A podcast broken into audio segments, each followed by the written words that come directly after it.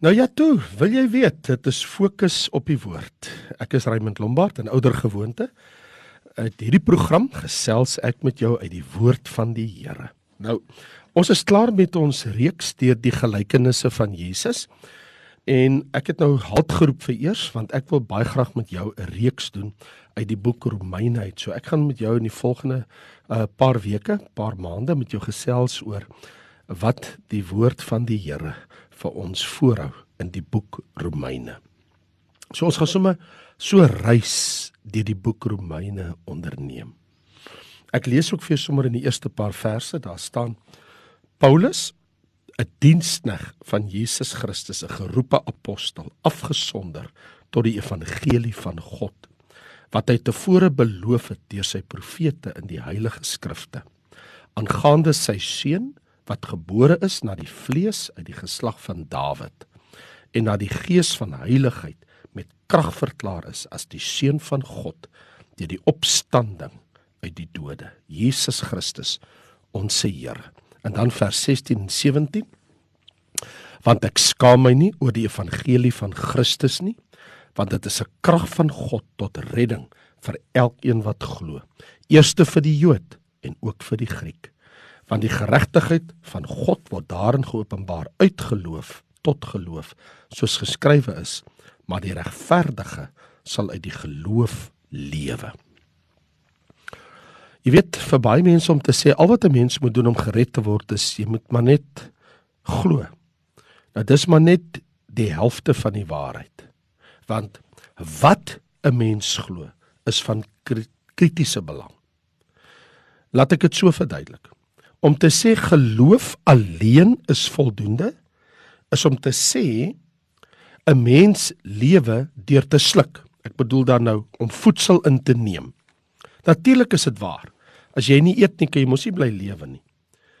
In 'n sekere sin lewe 'n mens deurdat jy sluk. Jy eet jou kos. Dit gaan deur jou keel en jou ingewande in. In jou kanaal wat die Here vir jou daar gestel het. Tog as 'n persoon gif inneem, volg die dood en nie die lewe nie. So dit gaan oor wat jy eet. In die Bybel gaan dit oor wat jy glo. Daar staan ons in Jakobus 2 die demone glo ook in hulle sidder, maar dit red nie vir hulle nie.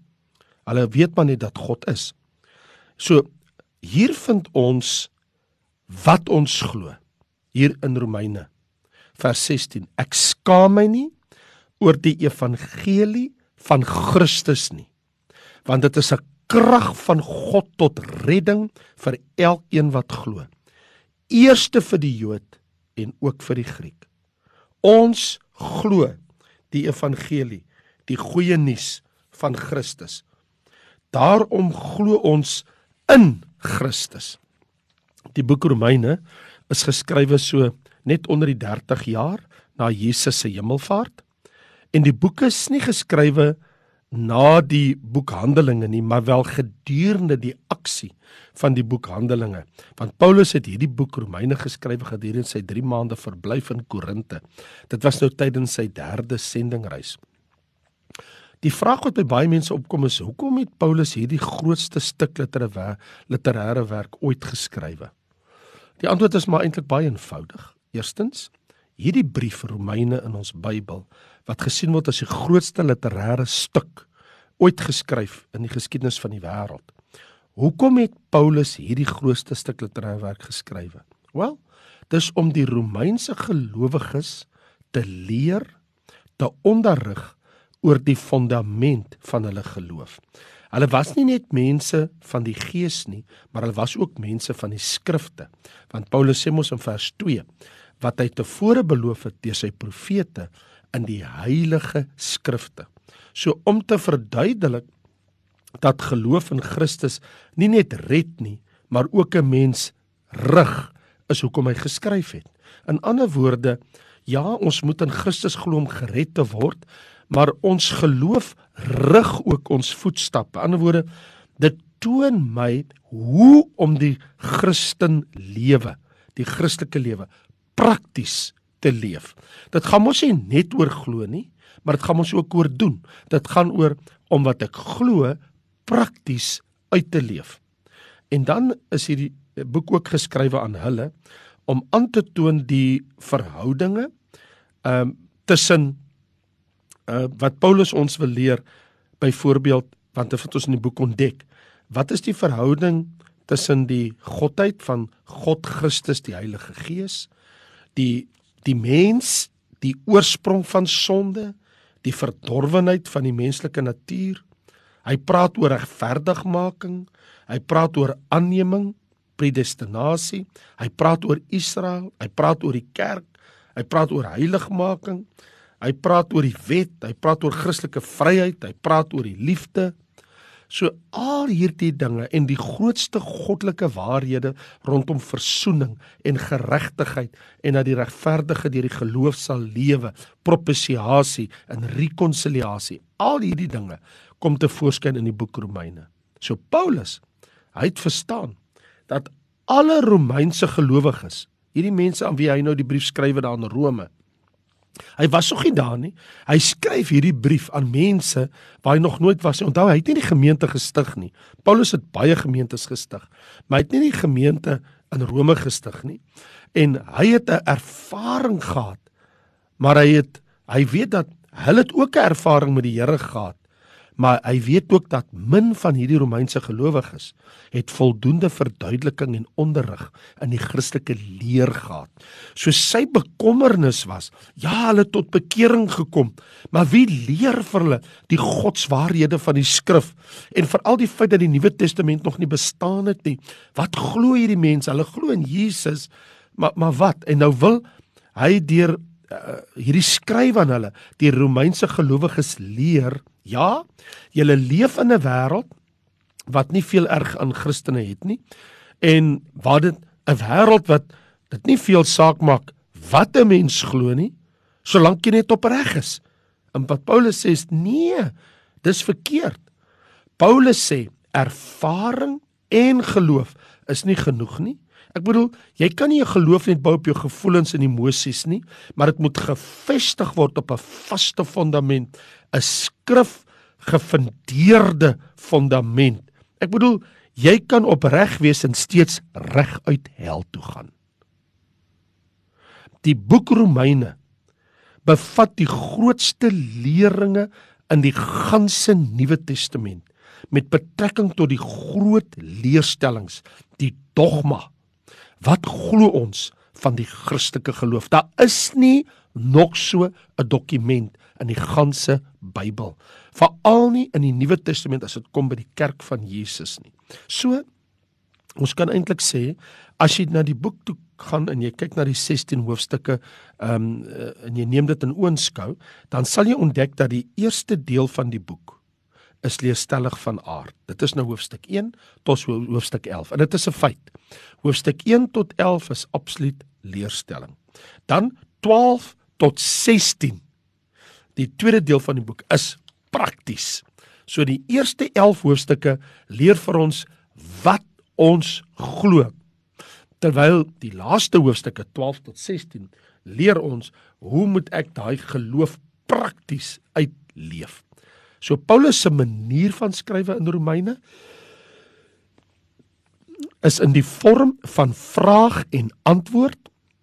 En op hierdie wyse het hy te werk gegaan om groot goddelike waarhede te leer. In ander woorde, hy skryf, hy sê byvoorbeeld sê, moet ek in die sonde bly nou dat ek vergifnis en genade by God gevind het? Nee, stellig nie. So hy hy gooi dit in die, sy sy manier van praat in die boek Romeine as vraag en antwoord.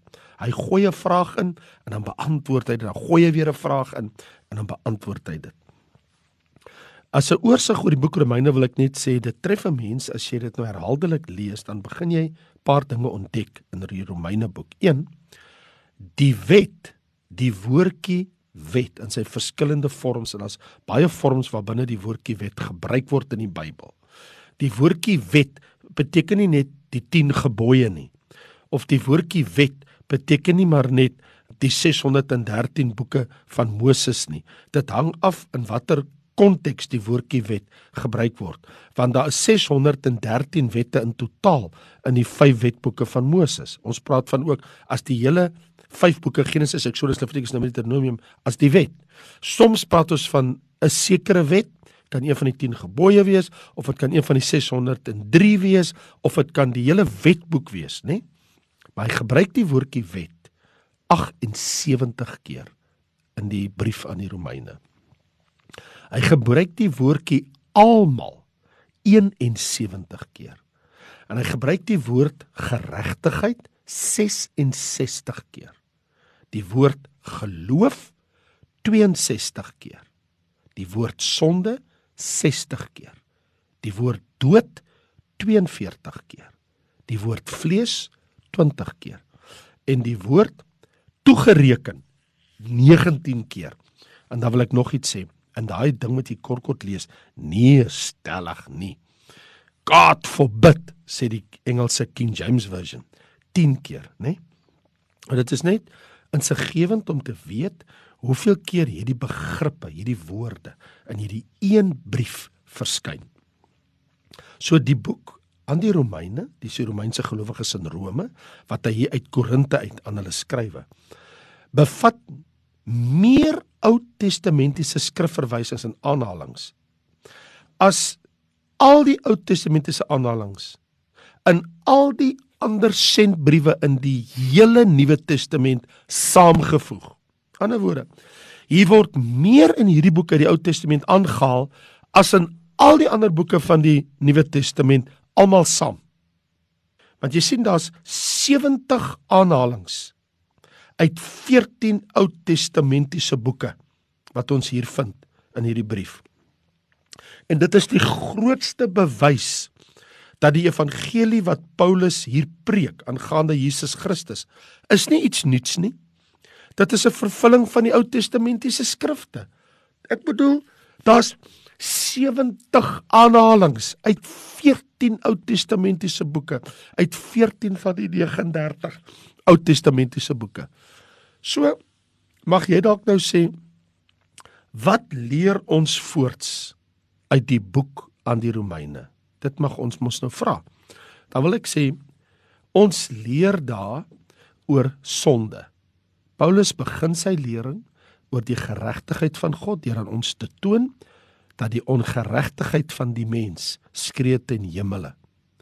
Hierdie is so 'n bykans ongelooflike stuk werk van Paulus dat ek dit eintlik in 'n aparte boodskap of opname met jou wil bespreek. En wanneer ons kom by hoofstuk 1 tot 3 wanneer ons oor hierdie saak praat. Die ander ding wat ons leer uit die briefie aan die Romeine is die lering oor heiligmaking. Want ons lees mos in Romeine hoofstuk 6 vers 1 en 2. Wat sal ons sê? Sal ons in die sonde bly dat die genade meer kan word? Nee, stellig nie. God forbid. Ons wat die sonde afgesterf het, hoe kan ons nog daarin lewe? So wanneer Paulus later in hierdie hoofstuk ons aandag vestig op heiligmaking, dan gebruik hy die woorde van om te bevestig dat die gelowige in Christus is afgesonder, afgesonder aan God en aan sy seun. So hy gebruik dan drie woorde of kort frases om aan te toon hoe die gelowige 'n lewe van oorwinning oor sonde kan lei. Want hy sê die gelowige weet iets in Romeine 6 vers 3. Weet julle dat ons almal in Christus Jesus gedoop is en sy dood gedoop is nie. Dan wil hy ook sê dat so die gelowige weet mos dat hy hy lewe mos nou 'n nuwe lewe in Christus Jesus en ook en natuurlik sy begrafnis en opstanding in Christus. En dan sê in Romeine 6 vers 11 dat ons reken iets. Hy sê reken dat jy wel vir die sonde dood is. So hier's die praktiese sy van heiligmaking om op te tree in ooreenstemming met die feit dat my ou sondige natuur moet ek beskou as dood vir sonde. En dan uh, wil hy ook daardeur vir ons sê dat die gelowige stel homself tot beskikking van God waar hy in vers 13 sê stel julle lede jou liggaam tot beskikking aan God. So hierdie wonderlike pad gaan ons in Romeine instap. Maar dan daar's ook lering oor vryheid. Want Romeine hoofstuk 8 praat met ons oor die vryheid wat ons in Christus Jesus het en daaroor sal ek veel sê wanneer ons by die hoofstuk kom. Ook praat Romeine met ons oor soewereiniteit, oor God is soewerein en God kan sekere dinge besluit en sekere dinge doen net omdat hy God is. Dit sien ons in hoofstuk 9, hoofstuk 10, hoofstuk 11. Ek bedoel daar's 3 hoofstukke wat spandeer word oor die soewereiniteit van God. Nou vir my en jou met die eerste ook op slag dan blyk die drie hoofstukke in Romeine 9, 10 en 11 so totaal uit plek uit te wees. Want hy praat in die hoofstukke in daai hoofstukke met die heidene oor God se handelinge en verhouding met Israel. Nou sal ons wonder, maar hoekom wil hy dit doen? Wel, hy skryf die brief aan die gelowiges in Rome, die Romeinse gelowiges, en hy wil vir hulle sê maar daai Jode wat ook by julle aanbid in die gemeente, God het 'n baie spesiale verhouding met die Jode. Maar met die heidene het God ook 'n baie besonderse verhouding in sy seun Jesus Christus. So hy verduidelik daai ekwilibrum, daai daai verhouding, die balans tussen God wat omgee vir die heidene, God wat omgee vir die Jode, God se handelinge met die heidene, God se handelinge met die Jode en sy verhouding en handelinge na beide kante toe. So 'n noukeurige beskouing van daardie hoofstukke openbaar aan ons dat Israel is deel van Paulus se argument vir geregtigheid of regverdigmaking deur die geloof. Die Jode het gedink Paulus is 'n verraaier omrede hy geleer het dat Christus was die vervulling van die wet en dat ons dit nou vryheid van die wet. Maar Paulus verduidelik dit baie mooi in die boek Romeine. Ek wil baie graag hierdie dinge met jou deel in die volgende weke en paar maande wat kom. So in Romeine 9 vertel Paulus vir Israel van God se verkiesing, van Israel se verkiesing deur God. In hoofstuk 10 van Romeine toon Paulus Israel se verwerping deur God omdat hulle sy seun verwerp het. Maar in Romeine 11 fokus Paulus op Israel se toekomstige herstel of terwyl hulle restaurasie wat in die toekoms vir hulle wag. Maar dis nie al nie. In hierdie boek Romeine leer Paulus ons oor die praktyk want hoofstuk 12 tot 16 handel oor praktiese uitlewing van 'n mens se Christelike godsdiens. Ek het nou-nou vir jou gesê, hoofstuk 1 tot 11 praat mos oor lering en dit leer vir ons die Christelike geloof, ons het die dogma, ons het die vaste leerstelling van wat ons glo en hoekom ons glo wat ons glo. Terwyl hoofstuk 12 tot 16, die laaste paar hoofstukke, praat oor die Christelike praktyk. Hoe leef 'n kind van God sy Christelike godsdiens uit in sy huis, in sy familie en in die wêreld daar buite? Want in hierdie hoofstukke 12 tot 16 in hierdie praktiese aspek uh, sien ons ook verhoudings wat te voorskyn tree verhoudings met onsself. Waar hy mos nou sê in hoofstuk 12 dat jy staan ook in verhouding tot jouself wanneer hy sê ek vermaan julle by die ontferminge van God dat julle julle liggame stel as 'n lewende heilige en aan God welgevallige offer. Dit is julle redelike godsdiens. Word nie aan hierdie wêreld gelykvormig nie, maar word verander deur die vernuwing van julle gemoed sodat julle kan beproef wat die goeie en welgevallige en volmaakte wil van God is.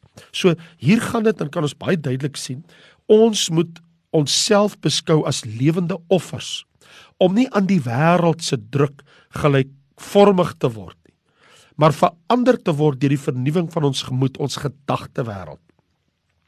Hy praat ook oor ons verhouding te weet ter die bediening, waar hy vir ons mos nou sê vers 4 tot 16 Romeine 12, elke gelowige het gawes of jy het 'n gawe ontvang en daarmee moet jy die gelowiges, die gemeente opbou.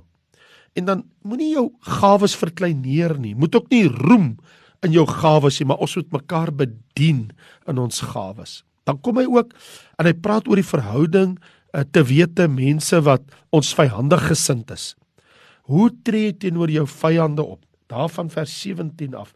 Vergeld niemand kwaad vir kwaad nie. Sover as dit moontlik is, leef in vrede met alle mense. Moenie julle wreek nie, los dit aan God toe. God sê, "My kom die wraak toe." In ander woorde, Hy leer ons dan ook hoe tree ek teenoor mense op wat my nie goedgesind is nie. Ons mag nie kwaad vir kwaad vergeld nie. Ons moet poog so ver moontlik om vrede met alle mense na te streef.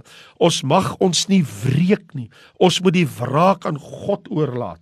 Gee julle vyande iets om te eet en te drink, so oorwin ons die kwaad deur die goeie. Hy sê mos daar in vers 21: Laat jou nie deur die kwaad oorwin nie, maar oorwin die kwaad deur die goeie.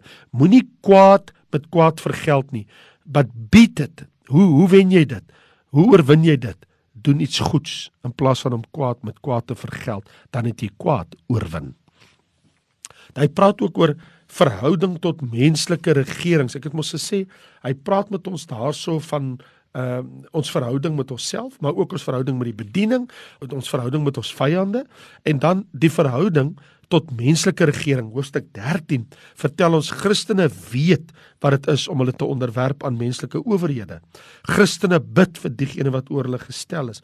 Christene betaal hulle belastings ook aan die keiser soos wat die Bybel dit vir ons voorhou.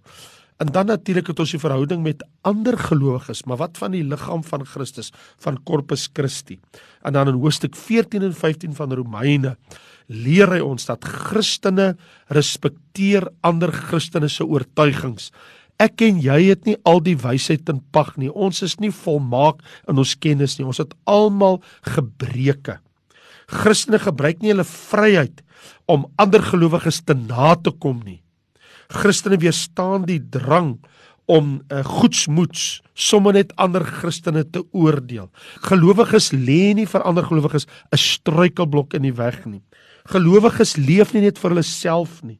Gelowiges aanvaar mekaar soos Christus ons aanvaar het. En dan praat hy met ons in hoofstuk 16 ten slotte, is die laaste hoofstuk ook, oor die verhouding met vriende. Ek bedoel Paulus noem in hoofstuk 16 nie minder as 26 mense by name en hy verwys na nog twee wie se name hy nie vermeld het nie. So hy ken 28 mense. 28 mense in daai gemeente Rome waar hy nog nooit was nie, ken hy. So Paulus toon hierdeur aan ons dat hy het gelowiges en vriende liefgehad. Hy onthou hulle. Hy komplimenteer sy vriende en hy beveel hulle aan. Wat 'n boek. Soveel om te hoor, soveel om te leer, soveel om te lees.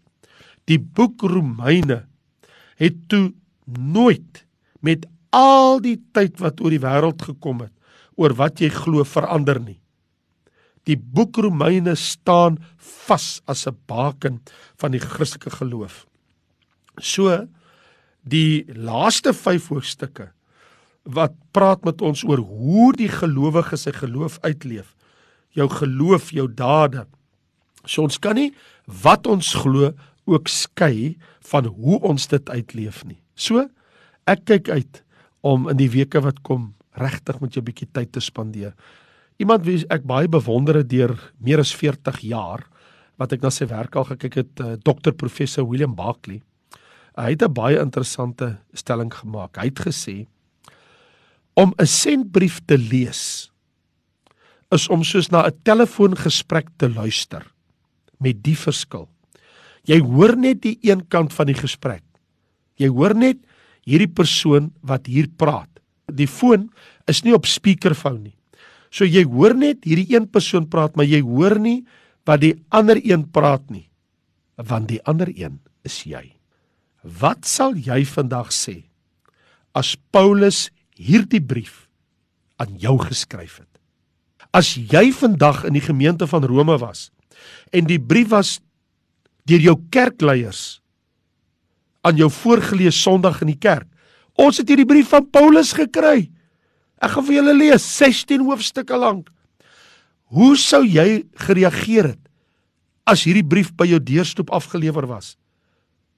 Want hierdie brief is nie net geldig vir gelowiges in Rome nie, dis geldig vir gelowiges wêreldwyd.